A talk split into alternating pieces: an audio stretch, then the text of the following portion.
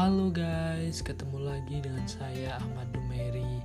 Dalam podcast kali ini saya akan membahas tentang dampak COVID-19 terhadap implementasi pembelajaran daring di sekolah dasar melalui sosial media.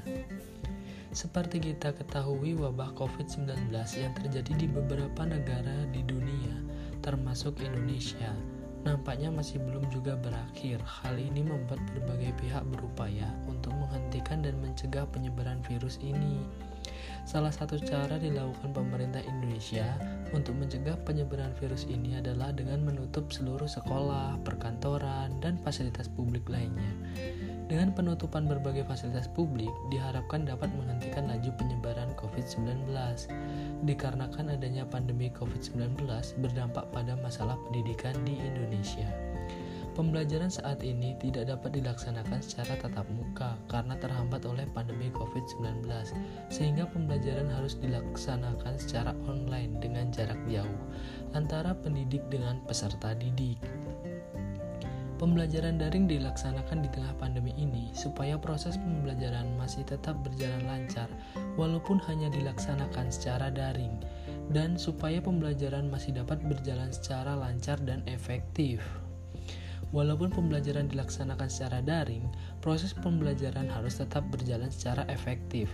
Efektivitas pembelajaran yang dimaksud seperti efektif dalam hal ketepatan pendidik dalam menyusun program pengajar, sikap pendidik dalam mengelola kondisi kelas, komunikasi antara pendidik dengan peserta didik masih dapat berjalan secara lancar. Ketetapan pendidik dalam memilih sumber dan media pembelajaran yang digunakan dalam pembelajaran daring juga ketepatan pendidikan pada saat melaksanakan evaluasi. Pada 4 Maret 2020, UNESCO menyarankan sekolah untuk menggunakan sistem pembelajaran jarak jauh yang dapat memungkinkan guru dan menjangkau peserta didik dari jarak jauh dan membatasi gangguan pendidik. Kebijakan ini kemudian ditanggapi oleh Kemendikbud dengan mengeluarkan surat edaran nomor 4 tahun 2020 tentang pelaksanaan kebijakan pendidikan dalam masa darurat penyebaran coronavirus disease atau yang disebut dengan biasanya COVID-19. Dalam pelaksanaan pembelajaran daring atau jarak jauh, sekolah perlu melakukan pembangunan kerjasama yang baik dengan orang tua peserta didik karena dalam pembelajaran jarak jauh, orang tua ikut berperan dalam pelaksanaan dan keberhasilan pembelajaran peserta didik di rumah. Dalam pembelajaran daring, orang tua bertugas untuk memberikan motivasi dan ikut membantu peserta didik dalam mengerjakan tugasnya di rumah. Dan peran orang tua dalam pembelajaran jarak jauh yaitu peran sebagai guru, fasilitator, motivator, dan direktur. Pelaksanaan pembelajaran daring dilaksanakan melalui sosial media yang banyak digunakan orang-orang sebagai media komunikasi dan banyak digunakan untuk kepentingan bersosialisasi, sehingga pembelajaran dilaksanakan secara online atau daring melalui media sosial. Dan ada pun berbagai kendala pembelajaran yang tidak bisa dilakukan secara tatap muka, yaitu keefektifan pembelajaran secara daring.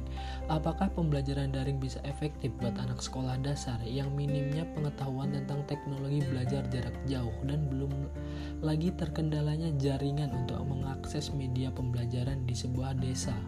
Jaringan emang belum semuanya merata dengan baik, maka dari itu siswa pun harus bisa mengondisikan dirinya buat belajar secara online dan kurang kurangnya sosialisasi antar teman bermain, siswa sekolah dasar notabene masih sering bermain dengan teman-temannya, maka di saat pembelajaran online, mereka tidak bisa bermain dengan teman sekolahnya. Belum lagi kurangnya daya aktif siswa dalam pembelajaran siswa yang tidak dipantau oleh gurunya. Kebanyakan siswa tersebut akan berleha-leha untuk mengerjakan. Oleh karena itu, siswa perlu bimbingan dari orang tua lain juga. Maka dari itu, guru dan orang tua harus bisa bekerja sama, bekerja sama seperti menggunakan dan memberi arahan terkait beberapa media yang bisa melakukan tatap muka secara daring. Dan orang tua pun harus ikut serta dalam mengawasi pembelajaran anak di rumah karena pengawasan orang tua saat belajar di rumah itu sangat penting bagi siswa sekolah dasar dan pentingnya komunikasi guru dan orang tua untuk saling berkomunikasi tentang pembelajarannya. Agar ketidaksalahpahaman, maka komunikasi itu sangat penting dan orang tua harus membatasi penggunaan sosial media kepada anak agar tidak keseringan bermain gadget dalam hal apa pun. Sampai di sini dulu ya pembahasan kita kali ini. Sekian dari saya, sampai jumpa kembali. Bye.